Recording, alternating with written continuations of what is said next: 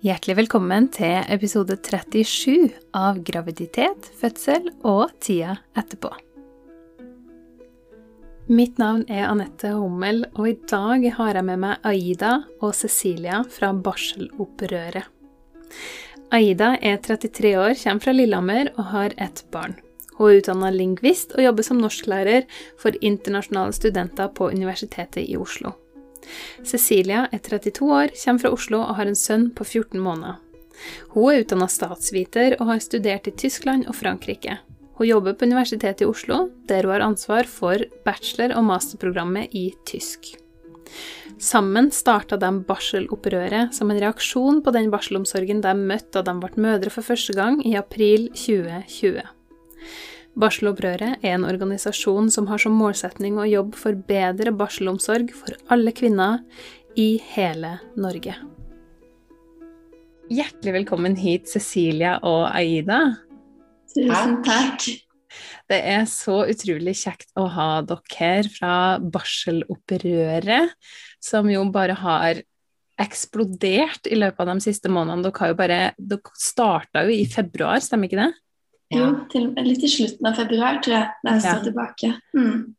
Ikke sant? Og nå er det jo bare Dere blir jo publisert overalt og eh, har massevis av følgere og får masse presse, og det er jo helt vilt. Ja, det er helt Jeg må klippe meg litt i armen selv. Jeg tror jeg er blitt litt bitt av hvert fall kronikkbasillen. Ja. Man kjenner at det går an å delta og, og ja, i debatten og bli hørt. mm, Være med å faktisk påvirke, påvirke debatten også, hva man snakker om. Jeg tror vi er med på det. Ja, ja. det, mm. Det er dere jo i aller høyeste grad. Og så det Virkelig, dere er så synlige. Og se at andre også nevner barselopprøret og deltar, at det blir en større ting. Det var jo det vi ville hele veien, at, det- at det kunne bli en litt større bevegelse. Mm. Ja, absolutt. Og det er det jo virkelig. På utrolig kort tid. Eh, kan ikke dere ta oss og fortelle litt om hvem dere er, og deres eh, bakgrunn? Kanskje Aida, vil du starte? Ja. ja, jeg heter Aida Leistad Thomassen. Jeg er 33 år og kommer opprinnelig fra Lillehammer, men har bodd lenge i Oslo nå. Eh, Jeg er utdanna lingvist, eller språkviter, og vanligvis så jobber jeg som, som universitetslektor på Universitetet i Oslo. Som norsklærer for internasjonale studenter. Og det jeg pleier å fokusere mye på, er egentlig uttale. Så jeg pleier ikke å jobbe med Jeg kommer ikke fra Jeg er ikke noe helse, helsepersonell som har jobba mye med barsel fra før av, for å si det sånn. Um, men ja. Jobber jo liksom med språk, så kanskje det er en styrke inni det arbeidet her. Mm. Ja, tenker jeg. Ja. Eller så Jeg har ett barn, Even, som er litt over, litt over et år, og som nå akkurat begynte å gå lite grann. Å, Åh, så fint! Åh, de er så nydelige når de begynner å gå sånn, helt sånn ustø og sånn. Det er så Mhm. herlig å se på. Veldig. Eh, Ja, jeg heter Cecilia Ingulstad. Og jeg, jeg, så jeg er statsviter, jeg studerte i Frankrike og i Tyskland. Og har også en stor interesse for språk, så derfor havnet jeg på Institutt for europeiske språk på Universitetet i Oslo. Eh, og der har jeg ansvar nå, da jeg kom på jobb igjen etter permisjon for tysk bachelor- og masterprogram. Og jeg har også en liten gutt som heter Manuel, på litt over 14 måneder, som eh, han begynte å gå i mai, så han er overalt. Åh. Så han må du sprenge etter. Ja, men jeg må si jeg syns det var deilig å komme liksom, at nå er han en liten gutt, og Ja. ikke bare en baby. Jeg Mm. kjenner at jeg nyter den tiden. Jeg syns det er gøy. Ja, så fint. Mm. Herlig. Og det, er jo, det her er jo kjempeinteressant, fordi at eh, dere eh, driver med språk. Språk er jobben deres, ikke sant? Mm. Og hvordan, hvordan starta barselopprøret? Hvor kom det fra oppi det her? Det kom vel på ingen måte fra språk, holdt jeg på å si. Jo, på en måte På en måte gjorde det gjorde det faktisk det. Fordi um, jeg hvis Vi fødte jo opp omtrent på samme tid, i april i 2020. Mm. Og selv om vi jobber på, på Blindern begge to, så kjente vi ikke hverandre fra før. Eh, men jeg tror vi gikk ut av den opplevelsen av å være alene på barsel mer som tanke at her skurrer noe. Eh, og jeg tenkte at jeg må si fra, eh, og hadde en litt sånn naiv tro om at hvis jeg skriver en kronikk, og noen leser det, så vil alle skjønne hvor ille dette er, og så må jo noen gjøre noe med det. Mm eh, og Aida skrev en kronikk på samme tid, så jeg leste hennes kronikk i Dagsavisen. Mm. Og så gikk jeg og tenkte lenge sånn, Jeg syntes den var så bra, for hun klarte på en måte å si akkurat den følelsen jeg satt igjen med av å være alene og alle de, liksom, de rare situasjonene. Eh, så eksempel, på impuls sendte jeg en melding, eh, og, og, så begynte det egentlig å rulle og gå. Og vi tenkte at dette må vi gjøre noe med. Og mm. Aida hadde lest den kronikken jeg hadde skrevet, så det, det startet sånn. Og så har, det, har vi egentlig bare på en måte liksom latt oss drive litt med det som skjer, og på en måte mm. tenkt at det er greit å ikke ha en fullstendig plan. Ja, og vi har, jeg, de planene vi har hatt, har ikke nødvendigvis gått uh, i oppfyllelse det å starte en Instagram-konto var litt sånn Skal vi bare ta det navnet i tilfelle, liksom? Mm. Og nå er jo det på en måte der vi kanskje er mest aktive, på en måte, da. Mm. Eller det er i hvert fall det som er på en måte vår kanal ut i verden. Mm. Uh, I tillegg til det som er i aviser og sånne ting. Mm. Så veien ble virkelig til mens vi går. Um, og så tror jeg litt for meg som på en måte Jeg er gift med en spanjol, jeg har en tysk pappa, jeg har bodd i utlandet. at Jeg reagerte veldig på sånn, bare høre at Norge er verdens beste land. Så ble jeg liksom Men er vi det? Sånn at Det er på en måte også det perspektivet med å titte litt ut og egentlig stille litt spørsmål med det vi gjør, har vel også vært med fra starten fordi det faller meg litt naturlig egentlig å tenke, tenke sånn. Da, for det er både en del av jobben min og, og den bakgrunnen jeg har. Mm, um, og da ser vi jo at uh, det er ikke vi som er nødvendigvis er best. Vi er flinke på mye, men vi er ikke best på alt. Og mm. at man må være åpen og tørre å stille spørsmål, og ikke bare godta sånne vedtatte sannheter. Mm. Uh, mm. Så, ja. ja. Det føler vi litt er vår oppgave. ja. Å stille spørsmål ved de vedtatte sannhetene. Ja. Eller stille spørsmål ved en del ting.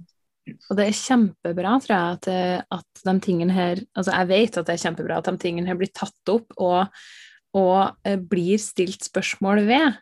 Fordi mm. at jeg er litt lei av det der Norges Altså, Norge er liksom verdens beste fødeland. Så tenker jeg, mm. OK, etter hvilken standard da? Ja, Hva ser sant? vi på da, når vi sier det, mm. at vi, er, at vi er verdens beste fødeland? Ja, det er, det er, veldig fysisk trygt å føde i Norge. Det er ytterst få mødre og barn som dør i fødsel i Norge. Mm. Eh, men det er så mye mer enn det, da. Det er så mye mer enn det. Og så er det jo Ja, for man snakker jo om at det er det tryggeste landet. Og er jo, vi er jo blant de landene med lavest spedbarns- og mødredødelighet. Det er vi absolutt. Men, men, når kvinner sier at 'jeg følte meg ikke trygg når jeg fødte', mm. så får de beskjed om at jo, men det er trygt. Ja. Så, så, hører man jo ikke på Altså, man hører ikke på opplevelsen til hun som faktisk var gjennom det. Mm. Og det er, det er et så stort problem ved hele mm. dette systemet at, eh, at, man, at, man, hører ikke på kvinnene. Man hører ikke med dem for å, for å finne ut av hvordan man skal eh, ja, og Det gjennomsyrer vel også barselomsorgen. fordi Der viser jo undersøkelser at kvinner er enda mindre fornøyd med barselomsorgen enn fødselsomsorgen. Og nå har vi samlet inn historier fra kvinner som vi legger ut. Og dessverre så sier de jo akkurat det samme som jeg har lest i oppgaver som ble skrevet for 10 år siden, 15 år siden. Det er den samme opplevelsen av at ingen har tid, ikke får hjelp, ikke blir sett. Eh, så jeg tenker at all den informasjonen ligger jo ute. Så hvis man hadde tenkt at nå lager vi en barselomsorg som ivaretar kvinner og hører på deres behov, mm. så ville den jo ikke sett sånn ut i dag. Mm.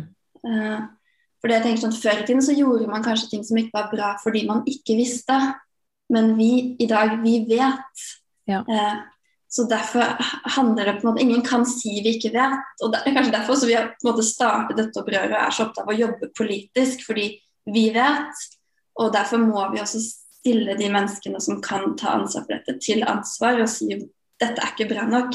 Mm. Vi vet det, dere vet det, og nå må det gjøres noe. Mm. Eh, å være tydelig på det. Det har vært egentlig viktig for oss fra starten av. Mm. Ja. Eh, og, tenker, men det jeg også ser går igjen, og jeg kjente veldig på det selv, og det vi ser i alle historiene, er jo den liksom skamfølelsen, usikkerheten. Jeg tenker sånn, Er det jeg som gjorde noe galt? Forventet jeg meg for mye? Mm. Og at på en måte liksom løsne oss litt fra det, det hemmer oss og gjør at vi ikke klarer å si fra. Tror jeg, da, i veldig mange tilfeller. Og det tok meg i hvert fall veldig lang tid å tenke sånn Jo, men jeg kan si fra.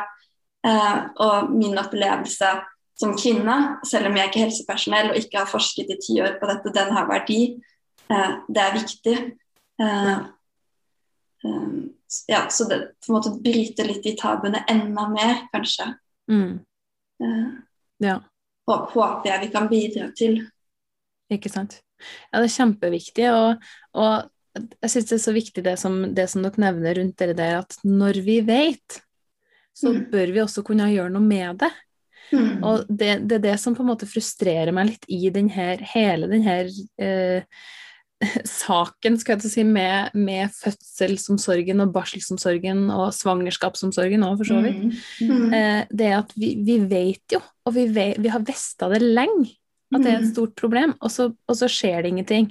Mm. Og det er jo sånn som i fødsel òg, så er det jo Det skal jo egentlig være én jordmor per, en, per fødende, ikke sant, Mm. på fødeavdelingene rundt omkring. Og så skjer det veldig ofte at det ikke er sånn. Mm. Og hva er det som er konsekvensen av det? Jo, da må det, da må det skrives en sånn avviksrapport. Og hva skjer med den avviksrapporten? Den legges i en skuff, Mm. ikke sant? Mm. Og så er det liksom, ok, men hva oppnår vi med det, da? Mm. Ingenting, ikke sant? Og vi vet det, og så gjør vi ingenting med det. Men, men nå prøver man jo å gjøre noe med det, blant annet dere prøver jo å gjøre noe med det. Og det er så utrolig viktig. Og det er så frustrerende at det ikke fungerer på den måten som du sa i starten, Cecilia, at, at man skriver en kronikk, og så får folk vite om at det er sånn, og så skjer det en endring. Ikke Mm. sant? Det er så frustrerende at det ikke virker på den måten. Jeg fikk meg en sånn skikkelig sånn krasj inn i virkeligheten, tror jeg. Ja. Mannen min sier alltid at eh, han er jo spansk, han mener at vi nordmenn er fryktelig naive og tror det beste om alle. Ja. Og jeg har alltid sånn ment at han har tatt feil, men nå jeg var sånn Kanskje du har litt rett. Ikke sant? Og at eh, selv på en måte her i Norge hvor mye er bra, så er ikke alt bra. Og for meg har det vært litt sånn rar på en måte oppdagelse, faktisk. Mm. Eh, Ja, for man, eller i hvert fall min egen opplevelse var jo det at, eh, at eh, jeg gikk inn i, liksom, i fødsel og barsel med fullstendig tiltro Mm. til systemet. Og vi, vi var jo av de som fikk beskjed om at ikke, partner kan ikke være med på, eh, på barsel. Vi hadde jo på en måte en måned på oss på å forberede oss på det. Sirkus. mm. Um, Mm. og jeg hadde liksom tenkt at ok, det er, det er liksom fryktelig kjedelig at jeg må være alene på barsel, men jeg kommer sikkert til å bli tatt vare på. Mm. De kommer helt sikkert til å måte, eh, veie opp for det på et eller annet vis. Ja.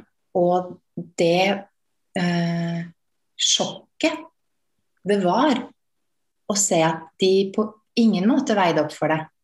Det var, Mm. det var ikke økt bemanning.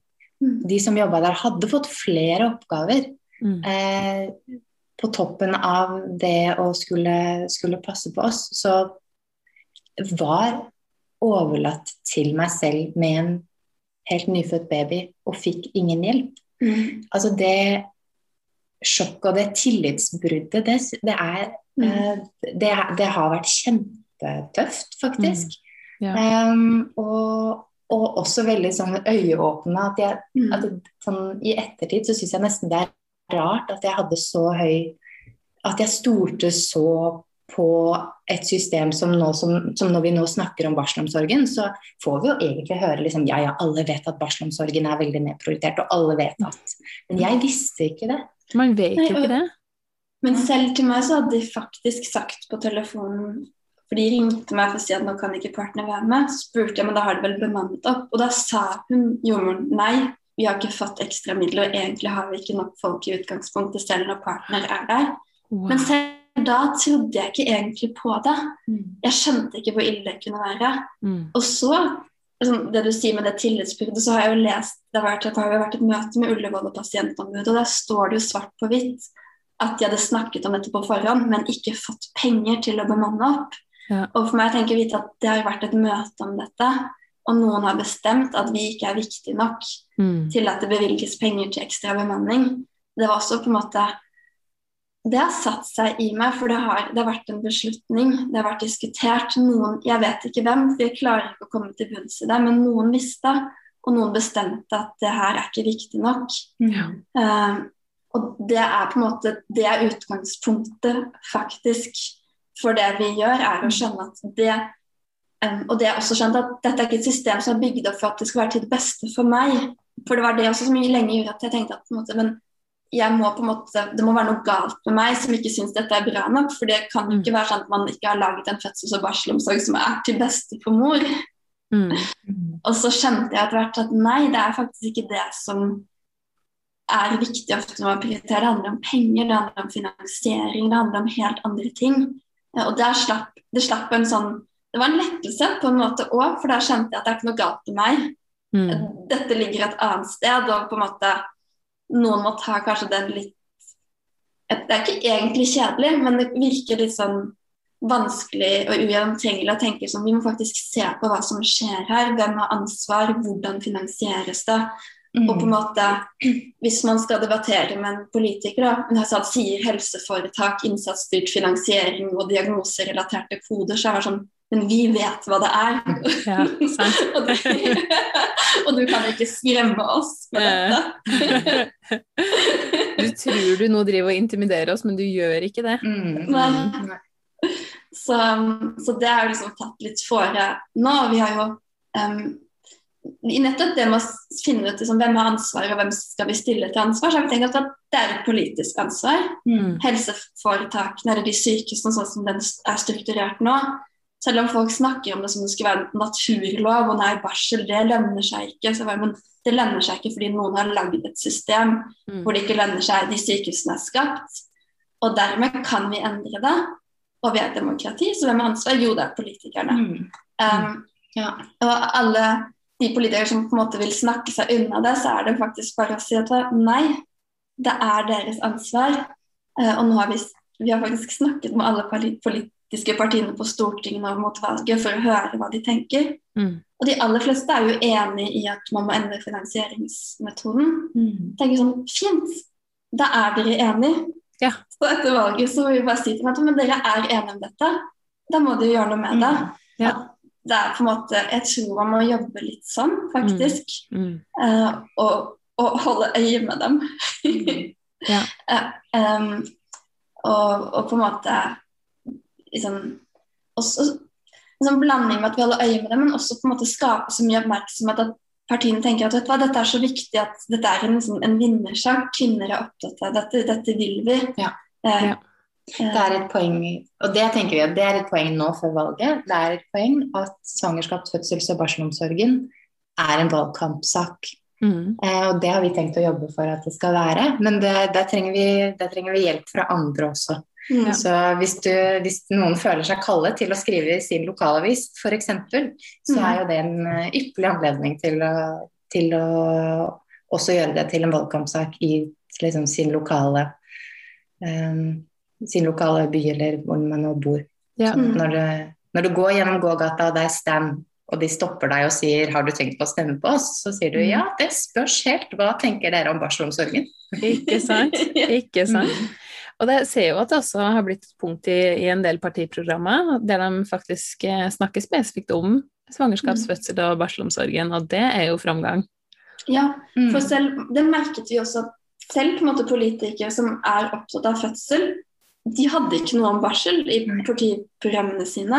Nei. At akkurat som det ikke eksisterte. Og det er ikke dermed sagt at fødsel ikke er viktig, alt det henger jo sammen. Men at, at man ikke har tenkt noe over dette i det hele tatt, det sier jo ganske mye. Mm. Ja, for barsel er jo, og det er jo kanskje noe av grunnen til at eh, vi hoppsi, heter Barselopprøret og har tatt på oss oppgaven å snakke spesifikt om barsel, er jo at det er på en måte den glemte fetteren. Det er den man alltid glemmer. Og nå er det jo, eh, sant, nå er det jo mye snakk om jordmormangel eh, i sommer, og hvilke konsekvenser det får for, for for eh, fødeavdelingene. Men det har jo enorme konsekvenser for barselavdelingene også. Mm. Men det snakker vi egentlig ikke så mye om. Så da tenker vi at der det, hvis, altså, det må snakkes om, og da må vi snakke om det selv. på et vis. For Det nevnes gjerne i sånn en bisetning ja, også vil det også gå utover barselavdelingen. Akkurat som det ikke var så viktig. Og det igjen tilbake til det referatet fra det møtet for pasientombudet, så sa ledelsen på Ullevål ja, ja, så gikk det litt utover ammeveiledningen. Ja. Akkurat som om det, det betyr ikke så mye. Sånn, ja, da fikk de kanskje ikke Mm. liksom, rene laken, men sånn, å ikke få ammeveiledning, det har så store konsekvenser for kvinnene. Mm. Og jeg bare lurer på om de faktisk skjønner hva de Mm. sier når det er sånn at ja, det gikk litt utover den gode ammestarten. Mm. Eller ja, ja, da får man litt dårligere barselomsorg. Ja. Um, at, at det skinner på en måte gjennom at selv de som jobber der burde vite at dette er viktig, ikke tar det helt på alvor. Mm. Mm. Um, Absolutt. Kan dere bare kan dere fortelle litt om hva, hva er egentlig barselopprøret? mm. Altså, sånn helt enkelt er vi en organisasjon som jobber for bedre barsel for alle kvinner i hele Norge. Mm. Um, og vi har satt på en måte Vi har fire Hva kan man si? Um, Akser, var det ikke det? Ja. Og det er, det er å spre kunnskap, eh, skape oppmerksomhet, bygge fellesskap og selvfølgelig få gjennomslag. Mm. Eh, sånn at f.eks. det med å, å spre kunnskap, det er jo alt fra at vi prøver å skaffe oss kunnskap ved å snakke med jordmødre og lage grundige saker som vi legger ut på siden vår.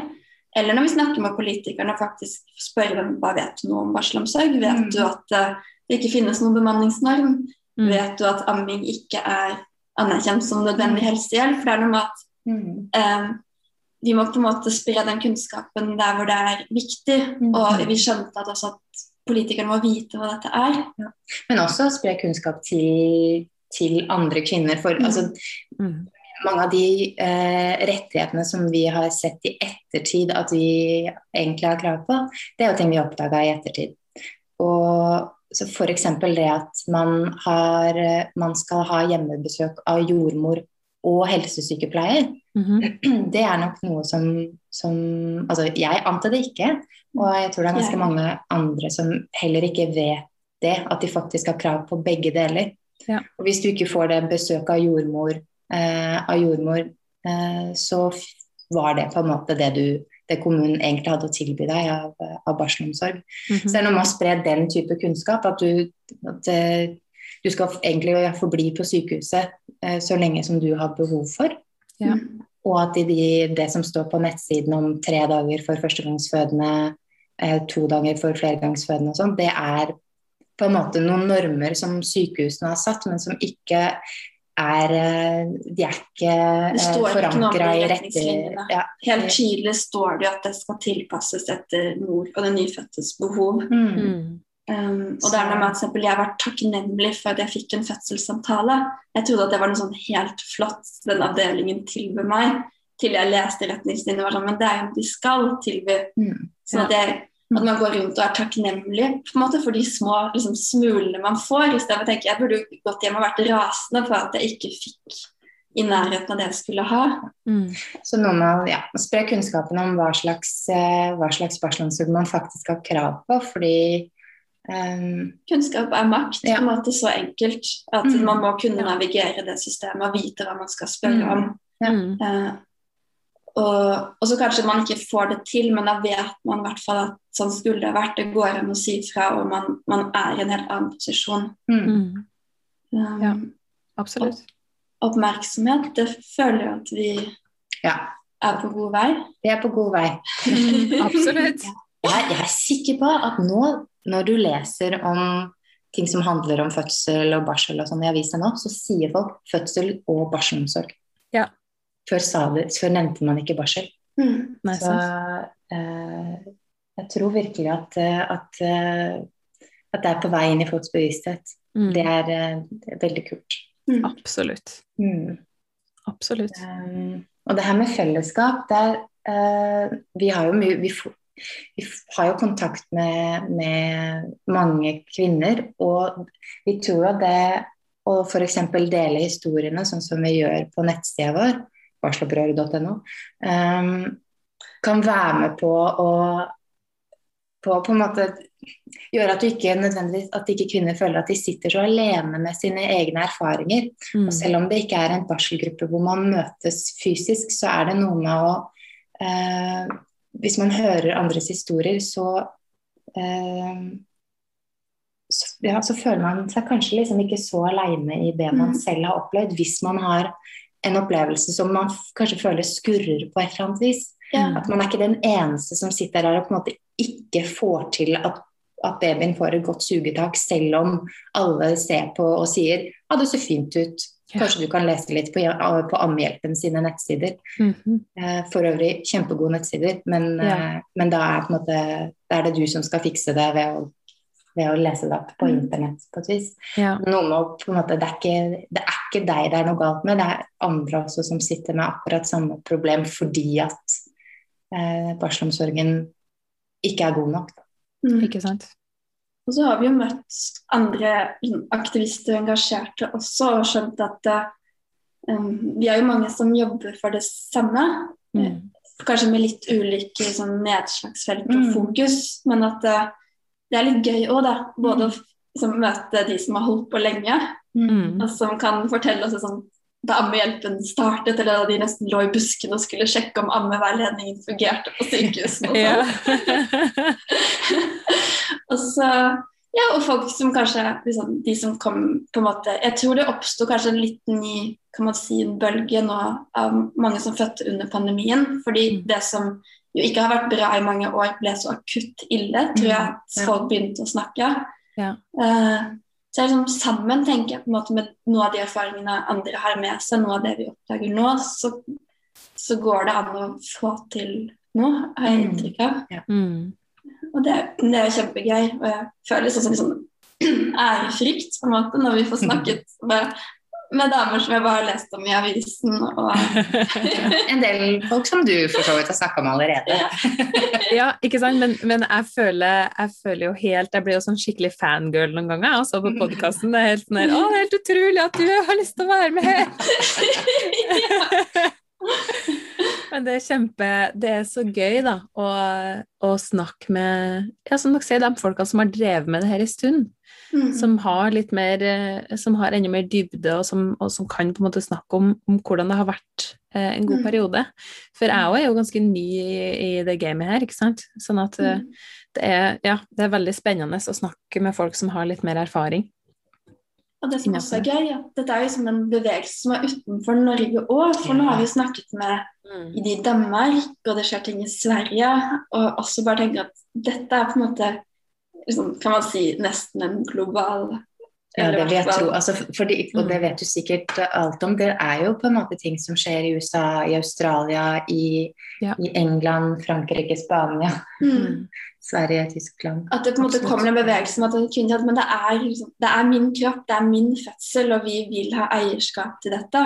Og vi tør å stille spørsmål, og vi, vi kommer på en måte ikke bare inn på sykehuset, og så kan dere gjøre hva, hva dere vil med oss, og så er vi takknemlige fordi vi overlever. Okay, det ble kanskje litt sånn satt på spissen, men, men det er på en måte med at dette er vår Ja. Det er på en eller annen altså, Hva er det egentlig Altså, vi er jo eh, Vi er jo så oppgitt over at altså, den barselomsorgen som vi ser i Norge i dag, f.eks., og den eh, retningen som vi ser ut til at, å gå, eh, det er jo en retning som ikke er basert på hva som er best for mor og barn. men det kan man si det samme om, eh, om fødselsomsorgen og, faktisk svangerskapsomsorgen nå. At det er noe Ja. med hvorfor setter man ikke mor i uh, førersetet og i forsetet, og hvorfor er det ikke Um, hvorfor er det ikke den som skal føde, eller den som har født, som på en måte er den eh, den som, styrer det. styrer det hele. Men det samme Mm. også, det er veldig mye forskning som det heller ikke tar hensyn til. Nei. Eller bare det at Man vet jo at en fødsel går bedre hvis mor er avslappet og trygg. Mhm. Og likevel sånn, legger man ned sykehus eller har så overfylt avdeling hvor man vet at kanskje ikke er det plass til meg, kanskje må jeg dra et annet sted. At bare der kommer man jo allerede skjevt ut. Ja. Eh, og det er det med at Hadde man virkelig visst hva, hva, og tatt hensyn til hva man trenger, og det samme med å komme i gang med amming og hente seg inn etter Mm. fødsel og knytte bånd til babyen, da vet man jo også at man trenger ro og trygghet og tid. Mm. Uh, og så legger vi opp til et system som er utrolig på en måte effektivisert, hektisk, underfinansiert, og så tenker man at det skal gå bra, og så er man attpåtil synes man det er liksom rart at så mange kvinner er deprimerte. Ja. Og så finner man på å si sånn ja, men kvinner, dere må forvente dere litt mindre. Mm. Ja, og, Eller forberede dere litt bedre. men ikke Mm. altfor mye. Nei, nei, ikke for mye. For du, du må jo tåle at fødselen ikke blir sånn som du har sett for deg. Ja, nei, ingen kan kontrollere fødselen sin. Eh, Det må du jo bare skjønne. Så hvis det endte på en helt annen måte, så er det liksom Ja, nei, uff a meg. Ja? Og det er noe med at det, Man aksepterer at man ikke vet forløpet, men det betyr ikke at vi trenger å akseptere at jeg ikke vet om det er plass til meg på sykehuset Mm. når jeg tenker at nå vil jeg ikke være hjemme lenger, nå er jeg redd, eller nå gjør det vondt. Ja. Eh, og tenker at jeg kanskje ble sendt hjem tre ganger, da. Mm. Eller, altså, jeg tenker at, si at det aksepterer vi ikke. Og ja, kanskje ikke alle får Kanskje ikke ammingen fungerer for alle, for alle, men vi aksepterer ikke at man på en måte ikke får den hjelpen man trenger til å komme til den beslutningen man kan si at nå har jeg prøvd alt, jeg har fått all hjelpen som Ja. jeg føler at jeg trenger. Dette fungerer ikke. Det er jo noe helt annet enn å på en måte allerede på dag én eller to på sykehuset bare tenke at hæ? Mm. Og få forskjellige beskjeder. Eller få beskjed om at du, det er egentlig bare å gi opp. Her er morsmelkerstatning. Ikke sant? Som vi jo om. Uh, så det er liksom noe med å skille med at eh, ja, man kan ikke forutse alt, men det betyr ikke at vi, ikke skal, aksep at vi skal akseptere at rammene rundt oss er usikre. Mm. Absolutt. Absolutt. Og Ikke minst eh, det som nå har vært veldig uh, Som har skjedd en del ganger, er jo den frykten for får parten min lov til å være Mm. med? Mm. Ikke sant? Det er jo en kjempestor greie. Og det å, og det å gå inn i fødsel med en frykt, Mm. det er jo helt det er jo, Altså, vi vet jo det herre. At det er det Mm. motsatte av, eh, Mm. av bra for å få fram For å, eh, for å få fødsel til å skje, da. Mm. Ikke sant? Frykt stopper jo fødsel. Ja, og så, jeg bare tenker Noen av de historiene vi har fått inn, hvor det var også en som fortalte at hun, måtte, hun hadde ringt inn til sykehuset skulle føde på, og hele tiden fått beskjed om sånn, kanskje de har plass til deg, kanskje ikke ring på neste vaktskifte. Og sendt hjem, og så sendt videre til et annet sykehus som måtte kjøre og ta ferge. Og så, selvfølgelig Man skal være litt forsiktig med å på en måte trekke konklusjonen, men dette endte i keisersnitt, og jeg kan godt se for meg at alt dette stresset rundt selvfølgelig har vært med på å hemme eh, fødselen. Ja, absolutt. Eh, Absolutt. Så, så eh, ja. Men det er jo, ikke sant Og det som jo Altså, for sånn som svangerskapsfødsels- og barselomsorgen er lagt opp i dag, så er det jo altså Det er på ingen måter prega av kontinuitet. Så du har jo, du går til oppfølging hos jordmor og eller fastlege. Eh, hvis du vil til jordmor, så skal du, skal du ha rett til å velge det. Eh, det er dessverre ikke alle som får det. Men, eh, eh, men du føder ikke med den jordmora du har vært med. ikke sant? Så Mm. når du kommer på sykehuset hvis du føder der, så møter du nye folk. Mm. Og kanskje hvis fødselen varer en stund, så er det flere vaktskifter. Kanskje det er flere der, ikke sant. Eh, og når fødselen er over, så kanskje du setter, flyttes over på eh, en barselavdeling eller et, Mm. et pasienthotell eller noe sånt. Og der er det igjen nye folk eh, som du ikke kjenner og som du skal forholde deg til. Og Mm. når du blir sendt hjem, så er det tilbake til helsestasjonen, og der kanskje du er heldig og møter jordmora du hadde, men da er det over i helsesykepleier. Mm. som, eh, som kommer. Så den ene, og det har vi snakka en del om, den eneste kontinuiteten du egentlig har som kvinne gjennom hele det forløpet her, er partneren din. Mm. Så når man fjerner partner Mm. eh, oppi det her, så fjerner man kontinuiteten, og man fjerner den eneste egentlige måte, trygghetspersonen som Altså den som man har opparbeida et trygt forhold til. Ja. Partner eller hvem nå enn du ønsker å ha med deg på fødsel. Ja. Eh, og nå har vi ikke engang starta på den der, alt som handler om at, å ekskludere partner og hvilke konsekvenser det får både for partner, men også for den partnerens mulighet til å være en god støtte for eh, mor eh, Mm. Før, under og etter fødsel, og f.eks. i amming. Vi Mm. vet jo at det er kjempeviktig å ha noen som støtter oppunder amminga. Ja. Hvis partner er ekskludert, så har jo ikke partner noen forutsetninger for å kunne være den støttepersonen. Mm. Så, eh, så på en måte det å på en måte fjerne partner, eh, eller ikke tillate at partner er med på deler eller hele fødsel, er egentlig et kjempestort eh, inngrep som har kjempestor påvirkning eh, på oss. Mm. Eh, og det tror jeg er vanskelig, vanskelig å forstå, for det er noe med at du møter et ansiktsløst system. Mm. Og du har på en måte hatt muligheten til å ha med deg noen, og når du ikke har den personen heller. Altså det hjelper på en måte ikke at, at jordmødrene på fødestua er hyggelige, eller det hjelper jo litt, men det er noe med at det kan ikke veie opp. Nei. Det kan ikke det. Men det her vet dere kanskje, fordi at eh, jeg har fundert litt grann på hvordan, hvordan det her egentlig fungerer. Kanskje dere kan svare på det. Eh, med eh, sånne ting som at f.eks. at partner ikke får være med på barsel, og, og partner altså delvis får ikke lov til å være med på eh, altså i veldig stor grad får ikke lov til å være med på svangerskapsundersøkelser, og, og delvis ikke på fødsel heller. Det er jo opp til hvert enkelt sykehus. Eh, Hvordan kan, hvordan kan egentlig sykehusene ta den avgjørelsen sjøl, når det ble vedtatt på Stortinget i februar? I februar! At partner skal inkluderes i hele denne prosessen. Hvorfor er det fortsatt sånn at jeg som bor i Trondheim, kunne ikke dra på rutineultralyd på St. Olavs hospital, fordi der fikk ikke mannen min lov til å være med, så vi kjørte til Levanger og tok ultralyden der, for der fikk han lov til å være med. Hvorfor kan St. Olavs hospital bestemme at han ikke får lov til å være med? Altså, dette spørsmålet skal egentlig rettes til Bent Høie, helseministeren. Jeg har spurt han Eh. mange ganger, men han svarer ikke. Han svarer ikke.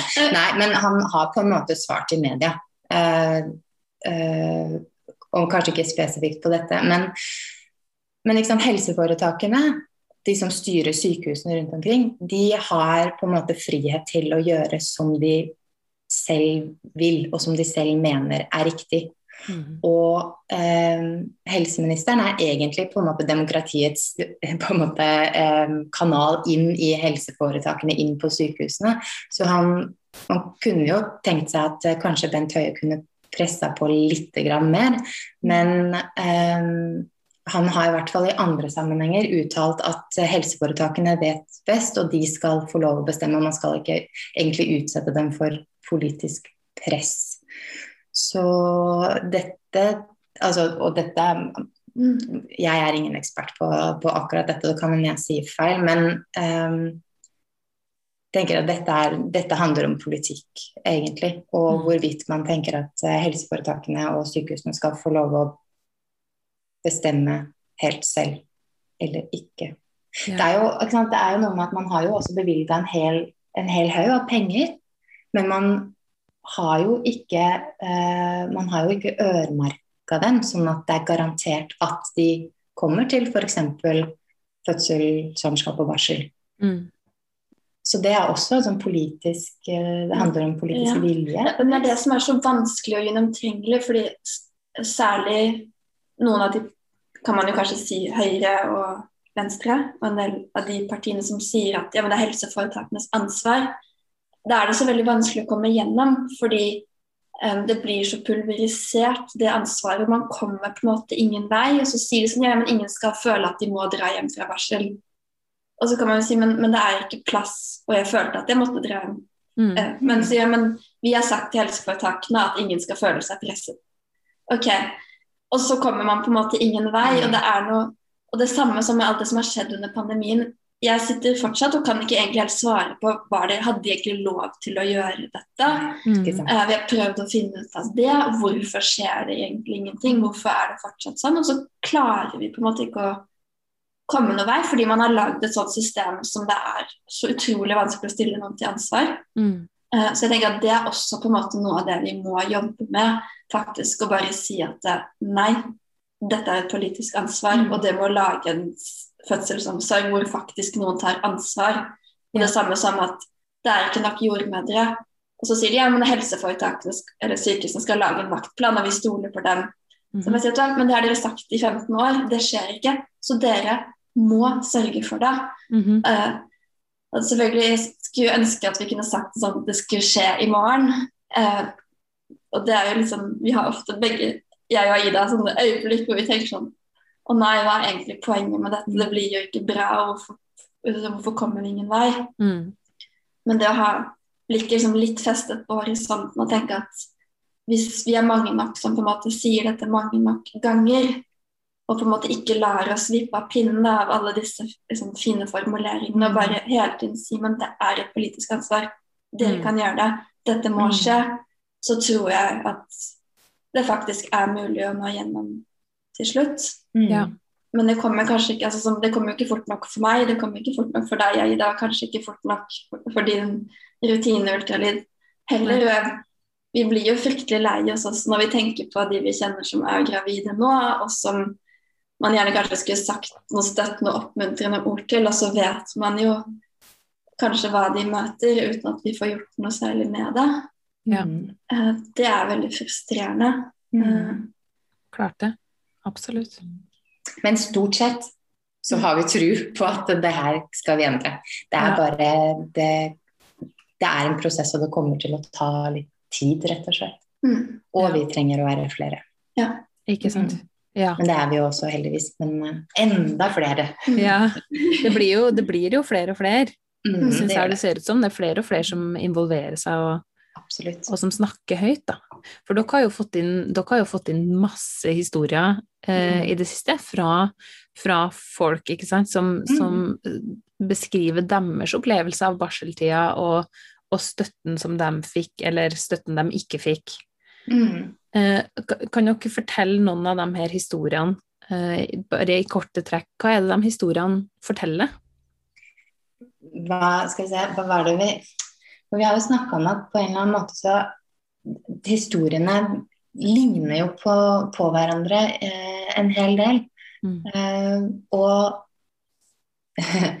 em, Altså, det er liksom ikke mye av det som Det går jo på en måte igjen, det med at man kjenner at man er til bry på sykehuset, at det er stressende, eh, at man får motstridende beskjeder når det gjelder alt fra ammeveiledning til eh, egen helse og andre ting. At man får lite informasjon om egen helse.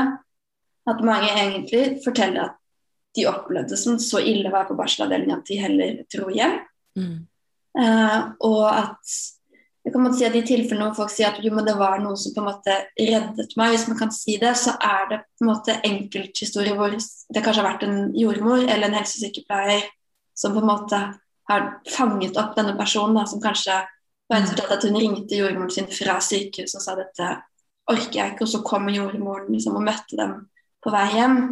At det er på en måte ikke et system som som er bra nok i utgangspunktet, og at når det på en måte har gått bra, så er det for noen har vært heldig, eller det har vært noen enkeltpersoner som på en måte har klart og villet gi det lille ekstra. Ja. Uh, og, og selvfølgelig, det sa vi kanskje innledningsvis også, jeg syns nesten alle fortellingene på en måte er en slags sånn refleksjon rundt måte, Var det jeg som ikke var tøff nok? Var det jeg som ikke sa fra? Burde jeg ha stått på mer?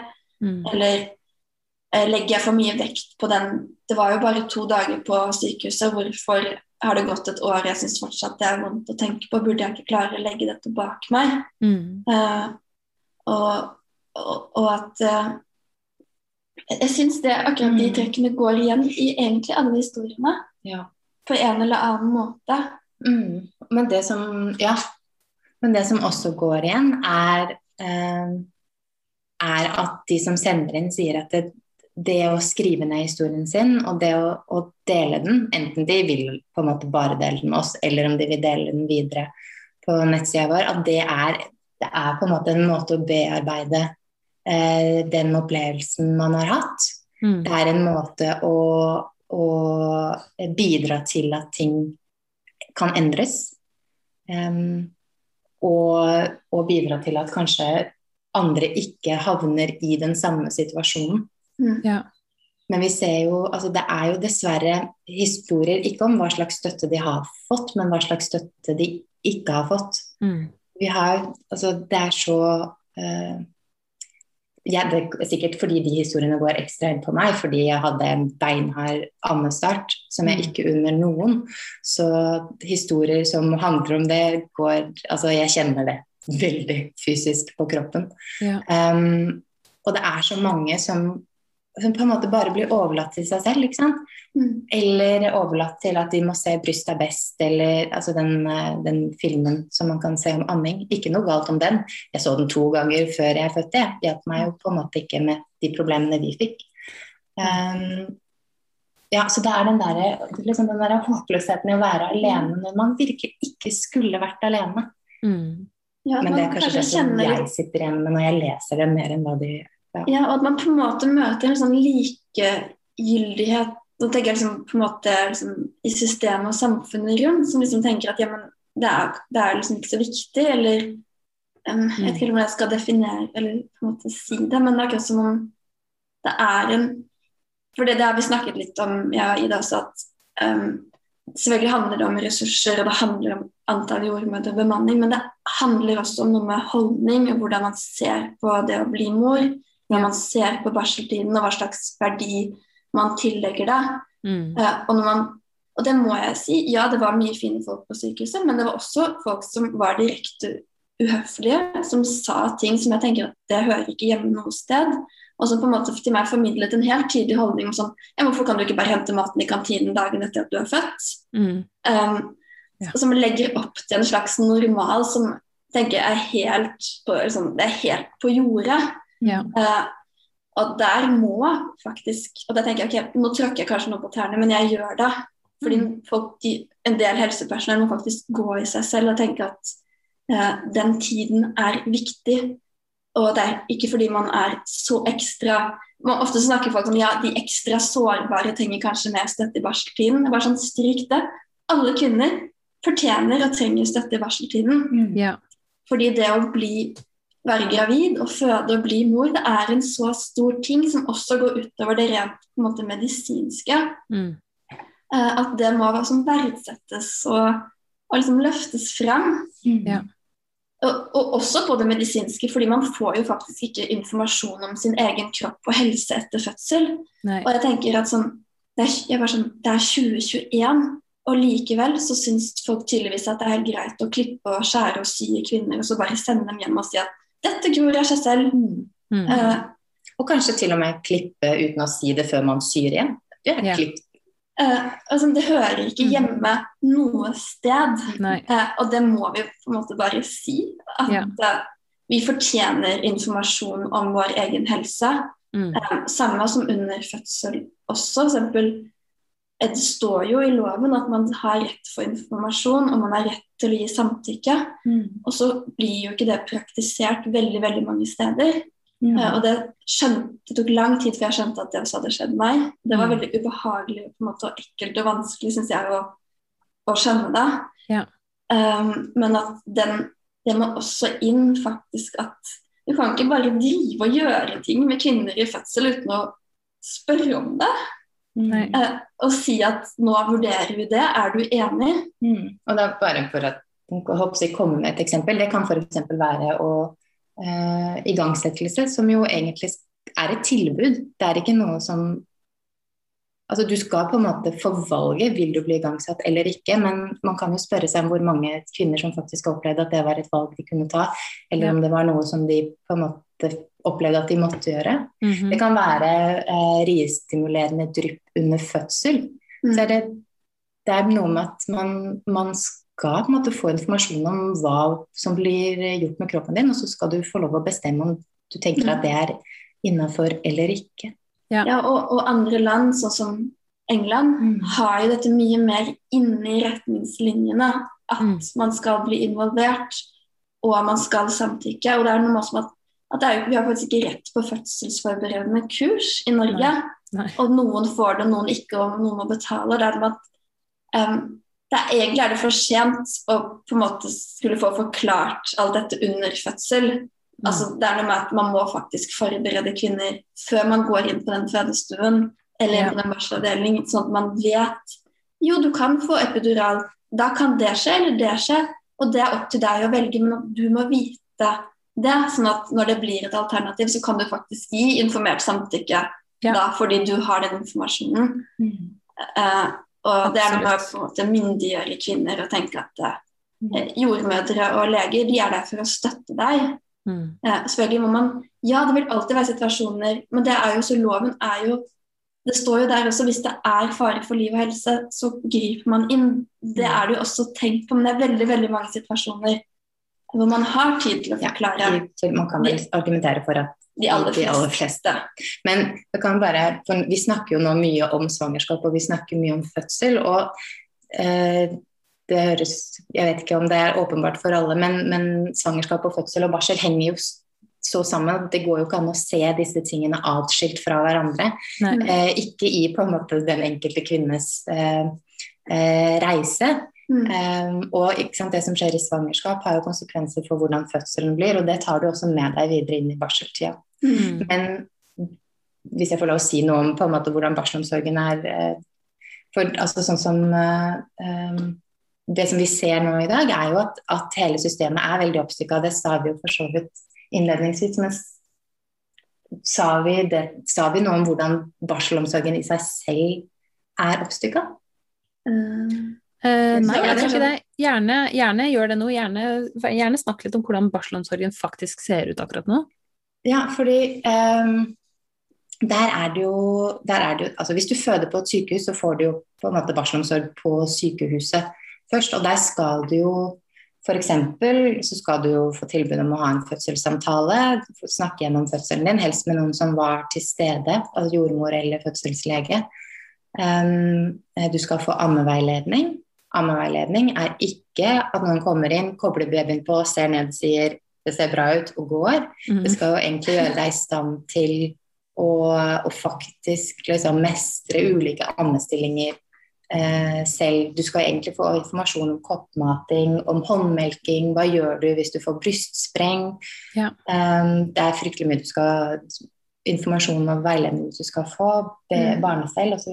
Ja, og mors, Man skal jo egentlig også observere mor og barn for Mm. å kunne se er dette en, en familie som kanskje er sårbar og trenger ekstra støtte. Og det sier seg jo selv at du kan ikke observere dem på seks timer og sende hjem og tenke at nå vet jeg hvordan denne familien Mm. har det. Ja. Mm. Og så når, eh, når man sendes hjem, så skal jo egent, altså sykehuset skal jo egentlig gi beskjed til helsestasjonen om at, du, om at eh, nå reiser du hjem. Eh, vi, hva var det vi nylig hørte at eh, det er en prosess som tar ganske lang tid, fordi at i hvert fall på noen sykehus så må barselavdelingen si fra til et eller annet kontor som må sende et brev til helsestasjonen, så man oppfordres gjerne av helsestasjonen om å bare sende en melding når du er på vei hjem. Ja. Eh, barselomsorgen for mor i kommunen, for når du skrives ut, så tilhører du på en måte kommunen, Mm. det er et hjemmebesøk av jordmor. Mhm. Og det er det bare fire av ti som får per dags dato. Helt utrolig. Um, og det som jo er ganske skremmende, er at det er det barseltilbudet som er for mor. Ja, du har seksukerskontrollen, eller etterkontrollen, som det kanskje heter nå. Um, men that's it. Men her, og her synder jo sykehusene en del også, for det står i retningslinjene at hjemsendelse forutsetter et organisert barseltilbud og støtte med familiens, Mm. eller kvinnens familie og omgangskrets. Mhm. Og det, et organisert barseltilbud det høres jo veldig fint ut, men det er det ene hjemmebesøket fra jordmor. Mm. Um, men da sender jo faktisk i praksis sykehus kvinner hjem Mm. til ingenting. Mm. Og, og tar jo ikke det ansvaret de egentlig har for å vite at vi kan ikke sende hjem kvinner Mm. til at ingenting. Og det jordmorbesøket står det i retningslinjene skal skje innen ett til to døgn etter hjemre hjemreise. fordi det vet man jo fra forskning at jo fortere det hjemmebesøket kommer, jo nyttigere er det. Og at det ofte oppstår et sånt gap mellom at man kommer hjem fra sykehuset og til man på en måte får hva det står, reell kontakt med helsestasjonen etableres. Mm. yeah. Og de retningslinjene for barselomsorgen kom jo i 2014. Mm. Så allerede da visste man jo at det var at det står jo der helt tydelig at når liggetiden er blitt så kort, så er barseltilbudet i kommunene for lite. Mm. Uh, men så skjer det jo ingenting med det. Mm. Eh, og, det og så bygger man jo nye sykehus, og man skal ligge enda kortere eh, på barsel. Eller det planlegges for at ganske mange kvinner skal reise hjem 68 timer. Mm. Eh, og da tenker jeg sånn, men det fungerer jo ikke i dag. Nei. Og så vil dere redusere det enda mer. Mm. Eh, og det er jo totalt uansvarlig. Mm. Eh, Mm. Jeg vil bare, kan jeg bare si litt mer om helsestasjonen? fordi altså, Um, det er jo mange som opplever at de på en måte får hjelp og støtte på helsestasjonen også, men, men det er noe med at helsesykepleieren er, er der for babyen. Og Ja. det, altså det opplegget på helsestasjonen eh, etter jordmorbesøket er primært for babyen. Så Mm. det vi etterspør, er egentlig mer barselomsorg for mor. Mm. Um, for det er, altså, det er så sårt trengt. Og det var der også vi syntes det var nyttig å se til utlandet, fordi det er noe med at her går den debatten liksom litt sånn på det, repeat. At å, vi har ikke det jordmorbesøket, og bare fire av ti får det jordmorbesøk. Så vi var sånn, men det er bare ett jordmorbesøk. Ja. Det er ikke nok. Og så har vi begynt å se oss litt rundt, som blant annet eksempel søsteren min bor i Tyskland. Og der får du ehm, Altså Du får ti timers opptrening hos jordmor, når du på en måte, og der står det helt tydelig i retningslinjene. Det avtaler du når du er klar til å ha faste avtaler. Frem til da så kommer jordmor hjem Jeg tror det er opptil tolv uker, det kan ta litt feil der, men du får oppfølging Mm. hjemme hos deg selv. Og hvis du ikke klarer å ta deg av husholdningen din eller barn, enten, enten under svangerskapet allerede eller etterpå, så kan du faktisk få praktisk hjelp i hjemmet hver dag Ja. med matlaging og vasking og pass av barn. For det er noe med at selv om du har permisjon, betyr det jo ikke at man klarer å ta seg av det hvis man er veldig dårlig. Nei. Eh, og, og bare at det er standard for alle. Mm. Eh, og da tenker jeg at det ene hjemmebesøket av jordmor det er egentlig latterlig lite. Og at vi må se det i sammenheng med at Det tror jeg kanskje også Eva Rose sa den var i sted, at land med mye dårligere økonomi enn Norge klarer å få til dette. Ja. Eh, og så det er noe med å se det litt i sammenheng. at eh, egentlig sånn, Vi må slutte å snakke om det ene hjemmebesøket og si at hva, hva trenger kvinnene, hva skal man ha for at kvinner i så lite grad som mulig blir deprimert, utslitte, traumatiserte etter Ja. fødsel. Ja. Um, og heller starte i den enden og se hva sier forskning. Jo, Mm. forskning sier sånn og sånn. Hjemme, flere hjemmebesøk fort. Mm. Mulighet til å bli så lenge man, til man kjenner at man er klar. Det skaper ro og trygghet. Vel, da må vi prøve å få til det. Ja. Uh, og, og da er det kanskje ekstra provoserende for oss når vi hører politikere si at vi har verdens beste barselomsorg, når vi Mm. vet at på en måte vi egentlig kanskje nærmer oss bunnivået for det som i det hele tatt Ja. Altså det går nesten ikke å liksom kutte mer. Mm. Ikke sant. Eh, Ja. Si Altså Kan man Blir det sagt at vi har verdens beste Det har blitt barselomsorg? sagt. Ja. blitt sagt. Verdens beste fødsels- og barselomsorg. Eh, helt, ja. eh, det er jo helt hårreisende. Mm. Det er jo ikke basert på noen ting som helst. Eh, det, annet enn den der forestillingen. Ja, ikke sant? Eh, men det er jo hvis, altså for nå, hvis ikke vi gjør noe nå, så kommer vi til å havne der, virker det som, eh, Mm. at eh, veldig mange skal sendes hjem fra sykehuset seks til åtte timer etter fødsel. Mm. Eh, hvis man eh, hvis man da, altså hvis disse kvinnene som da sendes hjem er så heldige å få dette hjemmebesøket av jordmor, så kan man jo se for seg at de har fått syv til ni timer barselomsorg. Ja. Eh, og altså, når man, det er folk som har sett på det her, hva er altså, sett på barsel eh, på en måte tiden etter fødsel um, i ulike kulturer, og da ser man at det er, en sånn, det er noe universelt sånn rundt omkring 40 dager.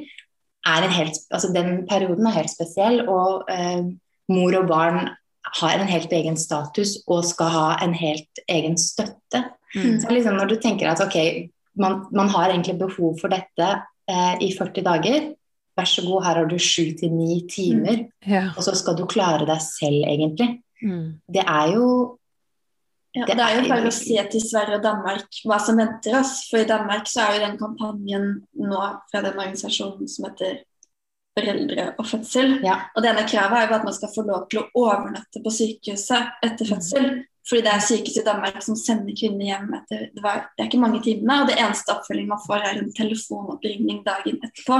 Åh, Eh, det er en realitet. Liksom, Mm. det skjer, og det er det som kommer. Det er sånn, Ingen må ha noen illusjoner mm. om at dette ikke kommer til å skje her, med mindre vi ikke sier ifra. Mm. Eh, Og det er også historier fra Sverige, at, og det skjer vel også på St. Olavs i Bergen, at man legger mye av de kontrollen av babyen til sånn polikliniske eh, avtaler, sånn at du dagen etter du kommer hjem fra sykehuset, liksom må ta bussen til en eller annen helsestasjon for å undersøke babyen. Og da leste jeg en historie om en kvinne som sa at det er ikke noe gøy å blø gjennom liksom, på busstasjonen to dager etter fødsel mens du liksom venter på bussen hjem med din nyfødte baby. Mm. Sånn, og det skjer. Og det er sånn at Vi svartmaler det ikke. Det er helt, helt reelt. Ja. Uh, og nå legges jo helsestasjoner ned og samles, sånn at det blir lenger for kvinner å dra. Ja. Det er noe med at skjønner, skjønner ikke folk liksom, man, hvilken liksom, tilstand man er i i mange tilfeller etter fødsel.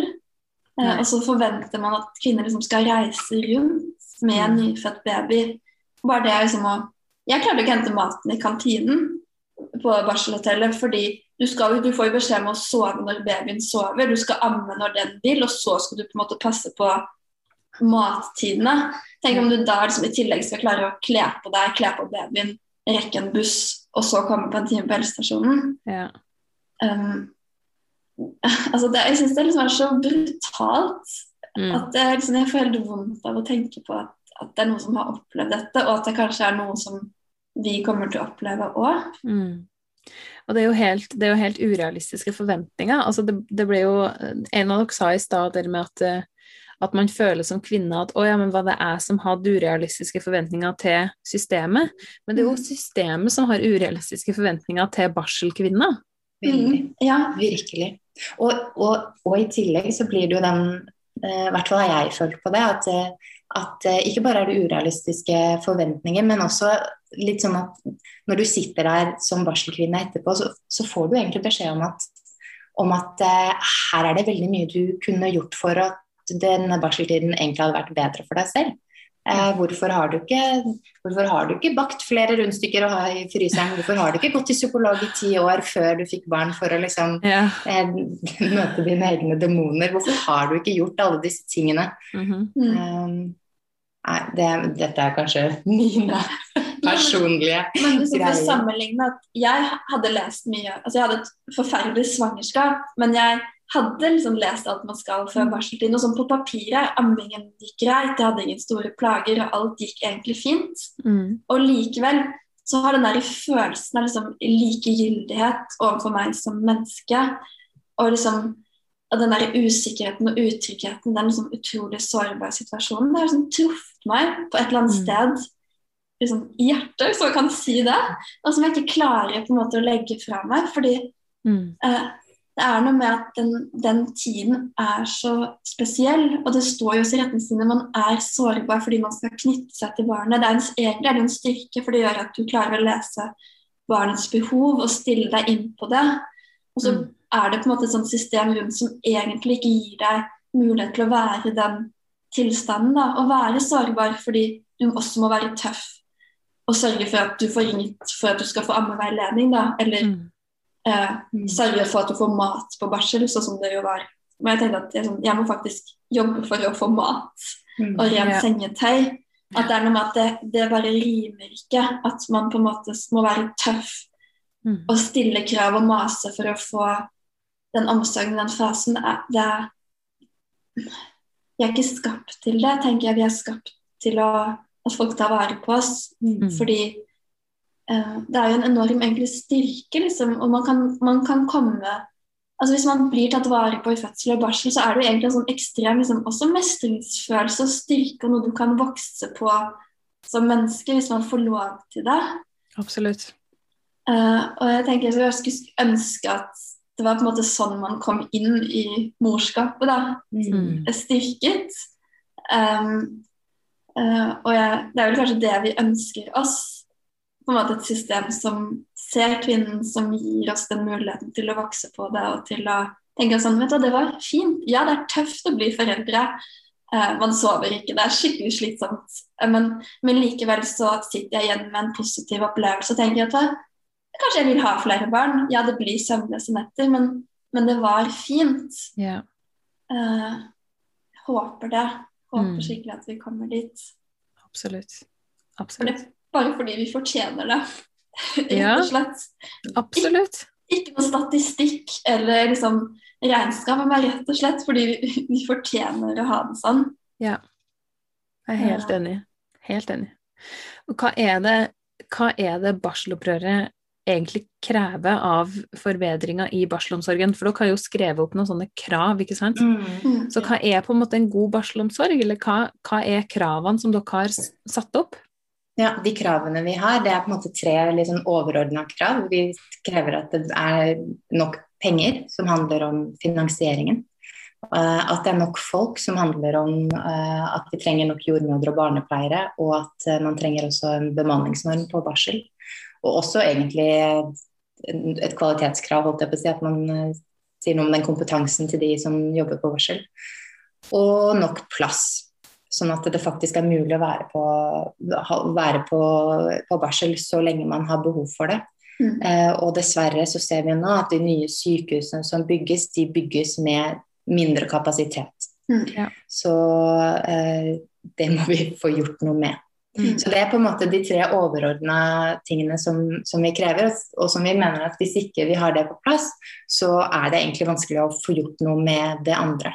Mm. Men så har vi også eh, seks mer sånn konkrete krav som handler om at man skal få lov å være på sykehuset så lenge man, eh, så lenge man har behov for det. Ja. Og at disse normene for liggetid, altså det som står på, på, på nettsidene til sykehusene med tre dager sånn og to dager sånn, eller 48 timer som det gjerne står nå Mm. under pandemien, at de bare fjernes. Mm. At man ser på kvinnen og det nyfødte og deres behov. Ja. Um, så krever vi også at alle skal få hjemmebesøk av jordmor en til tre, dager etter hjemreise. Og ikke minst at det her er en pasientrettighet, sånn at det faktisk er en rettighet som, uh, som betyr noe. Sånn at du kan faktisk si ifra at hei, jeg fikk ikke det jeg skulle ha, og så kan det få konsekvenser. Mm. For den statusen som du har nå, er litt uklar Mm. så krever vi eh, kvalifisert ammeveiledning. At folk skal ha rett på det på sykehus og på helsestasjon. Ja. Og at ammeveiledning skal anerkjennes som nødvendig helsehjelp. Yes. Eh, og det har vi eh, ammehjelpen med oss på. Eller så, mener vi at, eller så krever vi at alle skal få en fødselssamtale når de er klar for det selv. Og det kan Mm. være lenge etter fødsel, men at du skal få muligheten til å si ifra. Eh, Ja, at det er på en måte akkurat som seksukerskontroll, at det blir et begrep. Mm. måte, fordi nå kan noen sykehus ja, ok, du kan komme, andre ikke. Men Mm. liksom at den fødselssamtalen, den fins. Mm. Og at du kan ringe sykehuset, eller om du heller vil ta den på helsestasjonen og si at nå ønsker jeg det, akkurat som du kan ringe og få den seksukerskontrollen. Fordi det er noe med at Og det er det også forsket på at de minnene altså Hvordan man opplever fødsel, det kan endre seg over tid. Og noen er kanskje ikke klare til å snakke om det rett etterpå. Mm. Eh, Men at det er så viktig, fordi det har vi også fått historier om. Folk forteller at det har gått to år. Jeg lurer på en måte fortsatt på om det at sønnen min hadde navlestrengen rundt halsen, kan ha påvirket ham. Ja. Eh, Han utvikler seg normalt, men jeg har hele tiden sånn en ekle følelse. Jeg tenker at Kanskje fikk Mm. han ikke nok surstoff. Uh, Og jeg tenker bare sånn, Det kan godt hende at hadde dette eksistert som et tilbud, så er det bare ingen jeg vil gjerne snakke om dette, så kunne kanskje fødselslegen bare sagt vet du hva, sånn og sånn, jeg ser på papirene at dette har ikke hatt Ja. Det har ikke gått utover barnet ditt. Mm, så Ja. slipper man kanskje den engstelsen. Ja. Og så har vi krav som går på seks ukers kontroll, og jeg mener at det bør være en dobbelttime. Mm. Eh, og at man skal få muligheten til å ta den hos jordmor hvis man vil. For det er jo jordmødre som er ekspert på, Mm. på kvinnehelse og på fødsel. Um, Jo, at man blir innkalt til det òg, for nå er det litt sånn ja, ok, kom hvis du har liksom behov. Det er noe med på en måte å si at men din helse er viktig. Det er Mm. ikke som du på en måte blir innkalt til vektkontroll av barnet, så er det som at det skal være helt selvsagt at mors helse er viktig. Og, så kan man selvfølgelig si nei hvis man ikke vil det. Men, Ja da. men Mm. eh, ja. Og så har vi et siste, eh, et siste krav som eh, Oi, nei, jeg hoppa over opptrening.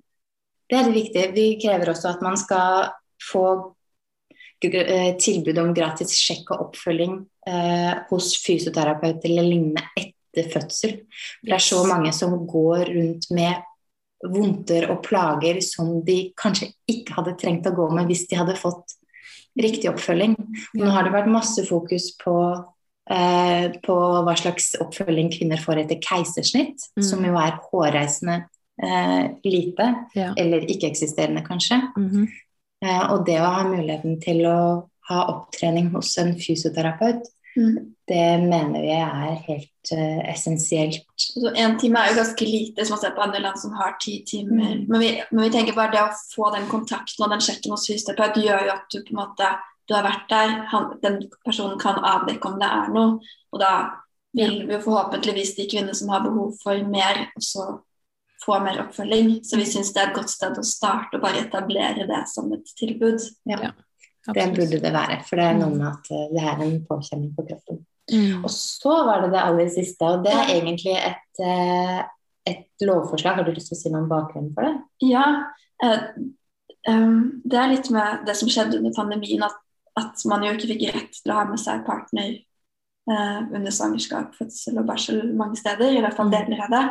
Og fordi mannen min er spansk, så kjenner jeg en del også eh, venninner som var født i Spania, og der er det lov. Og det skal sies at det ble ikke respektert hele tiden, men som sier at kvinner har rett til å ha med en person de selv velger under svangerskap, fødsel og barsel. Ja. Og noen steder i Spania så vil faktisk det at hvis helsepersonen hindrer det, føre til at de blir suspendert. Ja.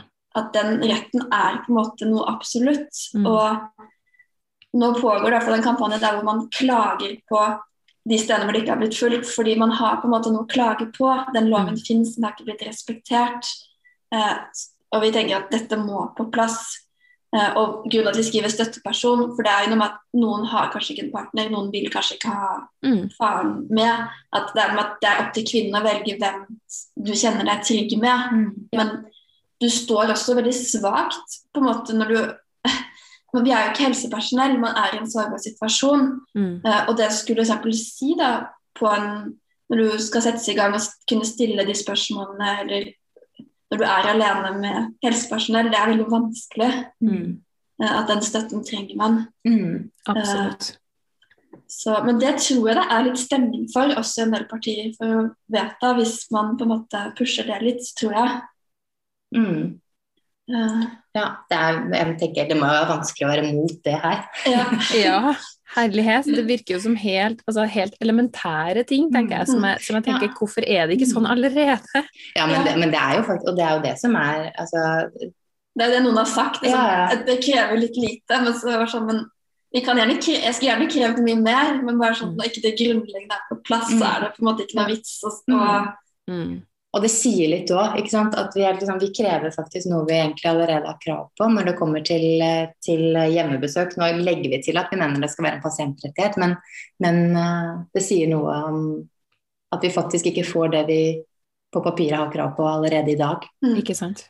Ja. Og det med å ha med partner eller en støtteperson, det vil, vil jo skape på en måte behov for endring, for det er jo det mange på sykehuset sier. Men det er jo ikke så annerledes nå under pandemien som det var før. For når de igangsetter, så får jo ikke partene være med. På undersøkelser får jo ikke partene være med. At det er veldig mange situasjoner i dag, altså før pandemien, hvor man faktisk var alene. Mm. Og at det også er noe som man på en måte må se på. Mm. Ja, absolutt. Uh, Ja. Uten tvil.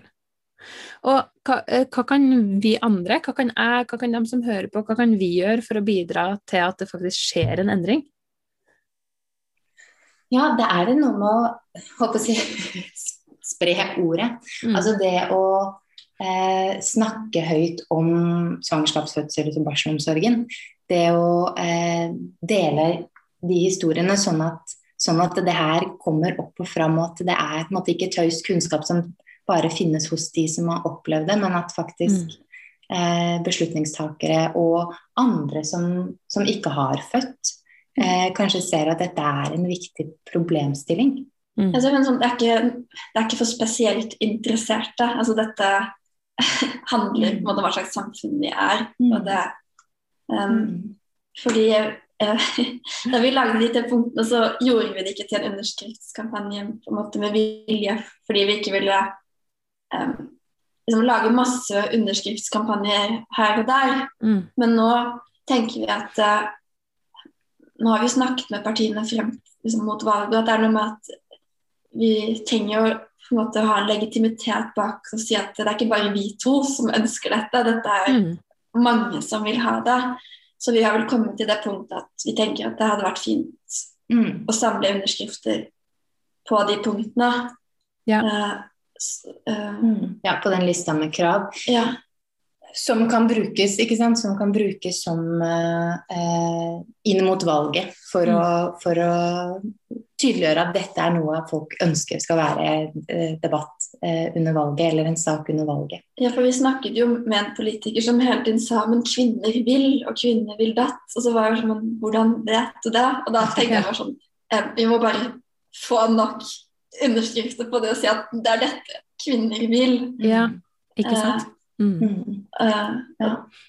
Men sånn som vi, vi var så vidt innom før, altså opp mot valget, hvis du kommer i snakk med noen som politikere, eller kanskje bare du sitter og spiser middag med noen, hvis du er så heldig å møte folk, eh, em, spør hva de mener om fødsels- og barselomsorgen eller svangerskapsomsorgen. Altså, Mm. det er noe med å løfte det her til et på en måte sånn eh, på et litt vanlig tema. Mm. Ja. Eh, på samme måte som man kan diskutere bompenger. Kanskje Mm. kan ikke barselomsorg bli en ny bompenge? Jo, og, så tenker jeg også at det er lov hvis noen sier noe skikkelig dust i en debatt, og på en Mm. måte tenker sånn, vet du hva, jeg skriver et innlegg og svarer på det, Mm. og på en måte ikke la disse tingene bare bli stående uimotsagt, at du tenker, at du tørre liksom Mm. å ta plass og snakke Ja. høyt. Det tror jeg vi må bli litt flinkere til. Mm. Jeg husker da jeg skrev min første kronikk, jeg syntes det var så skummelt at jeg sånn jeg holdt på å besvime bare da jeg sendte den inn. så det er jo skummelt, fordi det er noe med at når man tar plass, så gjør man seg synlig. Ja. Man på en måte risikerer kanskje at noen er, uenig. Og det er jo litt det med fellesskap kommer inn. Og så vidt det er litt lettere å snakke når man vet at man har andre i ryggen, at man vet Mm. at andre deler den opplevelsen. Og at vi må på en måte hente den styrken i det fellesskapet som gjør at vi faktisk tør å si ifra. Mm. Og, Ja. og selv om kanskje noen sier sånn, ja, men det er best for deg å reise hjem i latensfasen. Um, for der du har, du har det best hjemme. Faktisk, hva, Mm. Men jeg opplevde det som utrygt. Det var ikke bra for meg. Ja. Bare stille spørsmål med det og tenke at, Mm. uh, at det teller. Ja. uh, tror jeg. Og så selvfølgelig um, Og så tenker jeg så, også støtte hverandre greit. Da, vi snakket jo litt om hjemmefødsel Mm. uh, før vi startet. Det er noe med Ja. at um, kanskje ikke du vil føde hjemme, det er helt greit. Men at andre ønsker det, og ønsker at det skal være en mulighet, det Mm. tenker jeg er viktig. Uh, og da selvfølgelig med forutsetning at det er trygt og kriterier og alt det, men vi må ikke ville det samme. Nei. Og poenget er at det skal være valgmuligheter. Når vi sier at alle skal kunne bli så lenge på sykehus som de vil, Mm. og du tenker at jeg vil dra hjem etter tre timer, det er sånn, da kan du gjerne gjøre det, men likevel signere på dette og tenke at men mange har behov og kjenner seg trygge når de er på sykehus, og vi ønsker at det skal være en mulighet. Vi må være, være litt rause med hverandre Ja. og, og på en måte liksom ikke altså, bruke energien der det er viktig, da. Mm. Eh, og, eller, Mm. Ja. Jeg visste ikke, nå klarte jeg ikke å lande dette helt, men jeg- Nei, jeg føler at det var veldig, det var veldig bra. mm, Kjempe, kjempebra. Så, men eh, denne underskriftskampanjen, da, er det bare kvinner som kan signere den? Nei, alle ja, Det var veldig bra du sa, for det, det er også en ting vi kan vi etterlyse. Kan, sånn, nå, hvis du er kvinne og hører på dette, sånn, spør mannen din Mm. om han vil fortelle hvordan han opplevde det. Ja. Kanskje bare anonymt til oss. Men det er noe med at eh, det er jo en person til her. eh, og jeg vet f.eks. Pappamannen mannen min syns det er greit at jeg sier det, men at han også har vært mye redd Mm. for meg. Mm. Og syns dette har vært vanskelig. Men som han sa til meg, men, sånn, men jeg kan vel ikke si noe, jeg er jo bare pappa. Så det blir sånn, jo, du kan si noe, og det er noe med at Ja. eh, det er også å løfte det liksom ut på en sånn Ja, det er en kvinnesak, men det handler også om familiene. Og det er noe med at, Mm. at kanskje pappa også må si at jeg var veldig redd da vi ble sendt hjem fra sykehuset, for jeg følte at jeg måtte være sterk både for babyen og for kona mi, og det var skummelt, for jeg var ikke forberedt på dette. Ja. Eh, hvor var det fødselsforberedende kurset? Mm. Eller jeg syns ikke det var greit at ikke jeg kunne være på barsel og hjelpe partneren min. Mm. Eh, og alle disse spørsmålene rundt, som det på en måte Hvis det er tabu for kvinner å snakke om mye, jeg tenker sånn, hvor tabu er det da for Mm. menn? Mm. Mm. Men de står jo i det like mye som oss. Ja. Men, eh, men, eh, ja. men å håper å si, signere og være med på liksom barselopprør, eller, Mm. altså det er for For alle alle, som ja. ønsker bedre barsel, og det tror jeg gjelder flere enn enn bare de som Ja, bare man tenker sånn alle som har født, de som skal føde. eh, De som ble født. Altså, Ja. ikke- Ja. um, Ikke sant? Absolutt. absolutt. Men vi har vel nok en tendens til å snakke mye om kvinnen og mor. Mm. Mye fordi at vi opplever at, eh, at kvinnen og mor er så på, paradoksalt nok marginalisert i, i barselomsorgen. Ja. Um, så det forklarer nok litt eh, ja, men hvorfor vi ofte snakker om det. Men, men det er for alle som ønsker at Mm. barsel skal bli bedre, og som kunne tenkt seg å Eller som er enig i de, i de kravene som vi stiller, da. Eller Kjempebra. Ja. Ja. Veldig, veldig flott. Vi må, vi må begynne å runde av, men før vi gjør det, så vil jeg, så vil jeg spørre dere om uh, Bare kort, hvis dere har noen tips til eh, dem som skal føde nå i nærmeste framtid. Altså, fordi at det, det høres jo veldig sånn dommedag ut, det her. ikke sant? Altså, Ja. alt, eh, altså, alt er liksom helt eh, på trynet i hele mm. fødsel- og barselomsorgen. mm. Og hvordan skal man da på en måte Hvordan kan man forberede seg da for å få, for å få en bedre opplevelse enn enn det som skildres her når vi snakker om det? det, det har vi også snakket om at um, liksom bare måte for å starte at vi vil være veldig forsiktige måte, med å gi folk råd som gjør at man kjenner at det er måte enda mer ansvar som Mm. hviler på deg.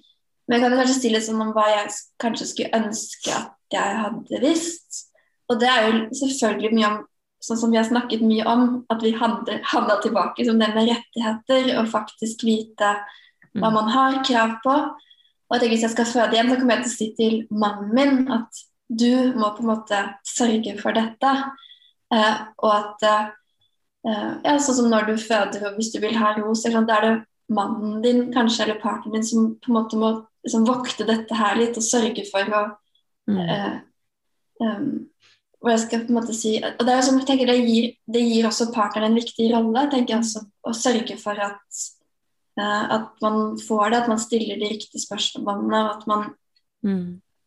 Ja, partner kan spille en viktig, en viktig rolle som på en måte, støtteperson. En annen ting som jeg, jeg vet ikke helt um, om det vil hjelpe, men jeg tror at jeg hadde satt pris på det i min egen situasjon. Og det er igjen da vite hva man har, hva man har rett på. Og altså um, eh, å vite hva for eksempel, å vite noe om hva ammeveiledning er og hva det ikke er. For jeg satt Mm. igjen med en Jeg trodde på en måte at jeg hadde fått ammeveiledning når jeg dro hjem fra sykehuset. Mm. Eh, og jeg trodde på en måte at det gikk greit og i det hele tatt. Eh, det var jo ingen som egentlig hadde gitt meg noe ammeveiledning. Så jeg kjente vel mye på at det, det var noe som jeg ikke fikk til, og det var et eller annet galt med meg. Og at Mm. jeg ikke klarte å på en måte få babyen til å ha riktig sugetak. Mm. Så det å vite litt om hva man på en måte egentlig skal få, kan kanskje gjøre at man ikke tar på seg skylden Mm. Eh, hvis man ikke fikk det. Ja, også at man ikke føler at man maser, og at man på en måte man havner i den der liksom underlegne rollen hvor man på en måte er takknemlig for alt. Mm. Og så er det jo noe med at i sommer så kommer du til å jobbe mange på barsel som ikke har fått så veldig mye opplæring, og som kanskje ikke egentlig kjenner regelverket. Mm. Og da er det noe faktisk på en måte å vite det selv og stille de spørsmålene som gjør at da, da tror jeg kanskje Jeg tror faktisk man får bedre hjelp. òg. Ja. um, Mm. og på en måte det, er det, jo, det var liksom en av de siste historiene som du likte godt. var det ikke En som sa at denne gangen så var det En av de ja, Hun forteller, går gjennom ikke sant, alt dette som hun negativt hun tenkte om seg selv, men hvor hun til slutt lander på at vet du hva, det var ikke meg, Mm. det var systemet rundt som svikta. Og neste gang gjør jeg det på mine premisser. Yeah. ja. Uh, nettopp. For det Herlig. er Altså. jo mange bra folk på barsel, og folk som vil det samme. Mm. Um, så jeg tenker bare ja, liksom bare være litt mer selvsikker og tenke at uh, Mm. gå inn med hodet hevet og ta den plassen man fortjener, hvis man klarer. Fordi den plassen har du egentlig rett på. Det er Mm. noe med å kanskje vite det, at man har rett til å ta den plassen. Ja. Du er ikke til bry. Mm. Mm. Du er ikke kravstor, du er ikke vanskelig. Ikke sant? Mm. Absolutt. Kjempeviktig. Mm. Supert. Uh, har dere noen ressurser som dere har lyst til å anbefale til gravide eller småbarnsforeldre? Det har vi også tenkt på. um, uh, altså går jo alltid sånn å lese de nasjonale retningslinjene for barselomsorg f.eks., men tviler vel på at folk kanskje gjør det. Um, Hvis man er interessert. Det er jo ja, hvis man er absolutt det. Mm. Og hvis man på en måte er interessert i de tingene som vi snakker om, om rettigheter og sånne ting, så kan jeg jo absolutt anbefale f.eks. boka til Millie Hill, den som heter 'Give Birth Like a Feminist'. Ja. Men den med liksom forbehold om at det kan være ganske tøft å lese den hvis du har født. Det syns i hvert fall jeg. Mm. Um, men der er det uh, veldig mange interessante perspektiver uh, som kommer fram, som handler om ja, rettigheter og hva man har krav på, og hva man burde ha og sånn. Ja. Og så er det en annen bok av ei som heter Rachel Reed, som heter 'Reclaiming Childbirth as a Right Passage', som jeg Mhm. driver og leser nå, som jeg også syns er veldig interessant, Ja. og som også handler om på en måte, svangerskap, fødsel, barsel, i, at man må se det i sammenheng, blant annet. Ja. Um, Vi har jo fått inn en del boktips. Det ligger Ja. på Instagram-kontoen vår som en sånn highlight, så folk har skrevet hvilke bøker de satte pris på. mm, Og så har vi samlet det Ja. der. ja, det er mer sånn og, og også liksom romaner og den slags. Ja, sånn som den mammasjokket som jeg leste. Liksom, det klarte jeg faktisk å lese med en sønn min som kravlet rundt på det stadiet. og det, okay, da så syns jeg det var liksom fint å Mm, lese noe liksom mm, lettlest om det å bli mamma. Så Ja. man er jo kanskje litt sånn på ulike stadier. absolutt. Og det er noe kanskje man tenker litt Det som Aida sa, at det, det er noen bøker Jeg syns av og til det er litt vanskelig å lese fordi jeg er redd for å få nye aha-opplevelser som gjør at jeg måtte en gang til begynne å tenke på sånn Var den fødselen egentlig bra? Mm. Og at eh, Det tror jeg mange vi snakket med sier at det er på en måte også en sånn prosess hvor man kanskje første gang tenker sånn Oi, det orker jeg egentlig ikke å tenke på. Og så tenker man litt, så tør jeg kanskje å lese et kapittel til, og så må jeg tenke litt over det. At det er en kanskje også en sånn dannelsesprosess på en måte rundt det å bli mor. Og Men det å bli mor er jo en kjempestor greie som tar lang tid.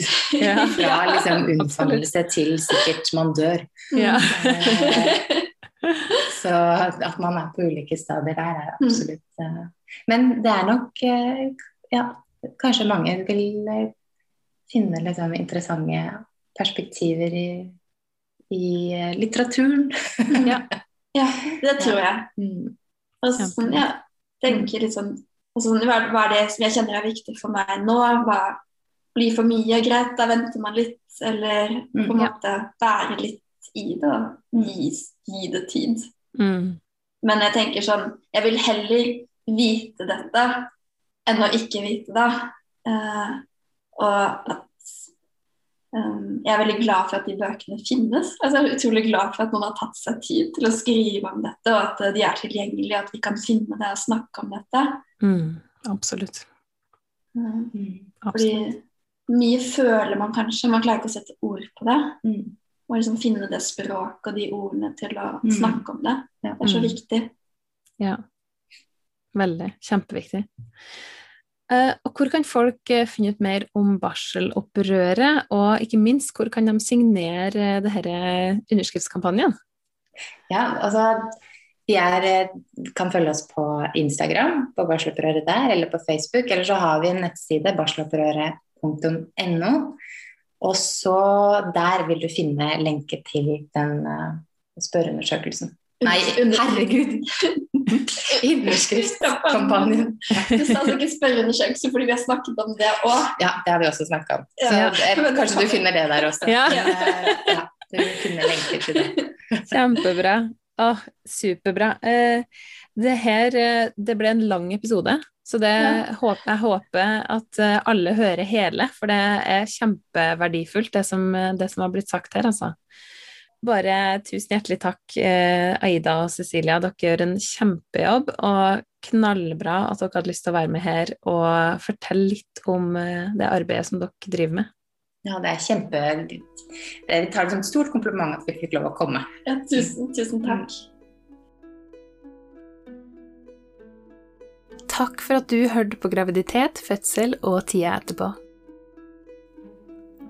I neste ukes episode er det Lucia som forteller sine to fødselshistorier. Hennes historie handler om veien fra hennes første fødsel, som var en traumatisk opplevelse, til fødsel nummer to, som var en personlig seier. Hvis du liker denne podkasten, så er det kjempefint om du vil gå inn på Patrion og støtte podkasten med et lavt beløp i måneden. Det starter på bare 40 kroner i måneden for å være med og støtte opp under og sørge for at podkasten kan fortsette i lang tid framover. Og til gjengjeld så får du forskjellige ting tilbake fra meg. Hva du får, det kan du se på Patrion. Bare følg linken i episodeteksten. Ditt bidrag betyr kjempemye for meg og for podkasten og for alle de fremtidige lytterne som forhåpentligvis får stor glede og nytte av å høre på episodene. I tilfelle det var noen tvil, så vil jeg også nevne at jeg ikke er verken lege eller jordmor. Temaene som tas opp på denne podkasten, er kun ment som generell informasjon, ikke som råd eller oppfordring til handling. Hvis du har spørsmål eller bekymringer når det gjelder din egen eller ungene dine sin helse, så vil jeg på det sterkeste anbefale at du snakker med legen eller jordmora di.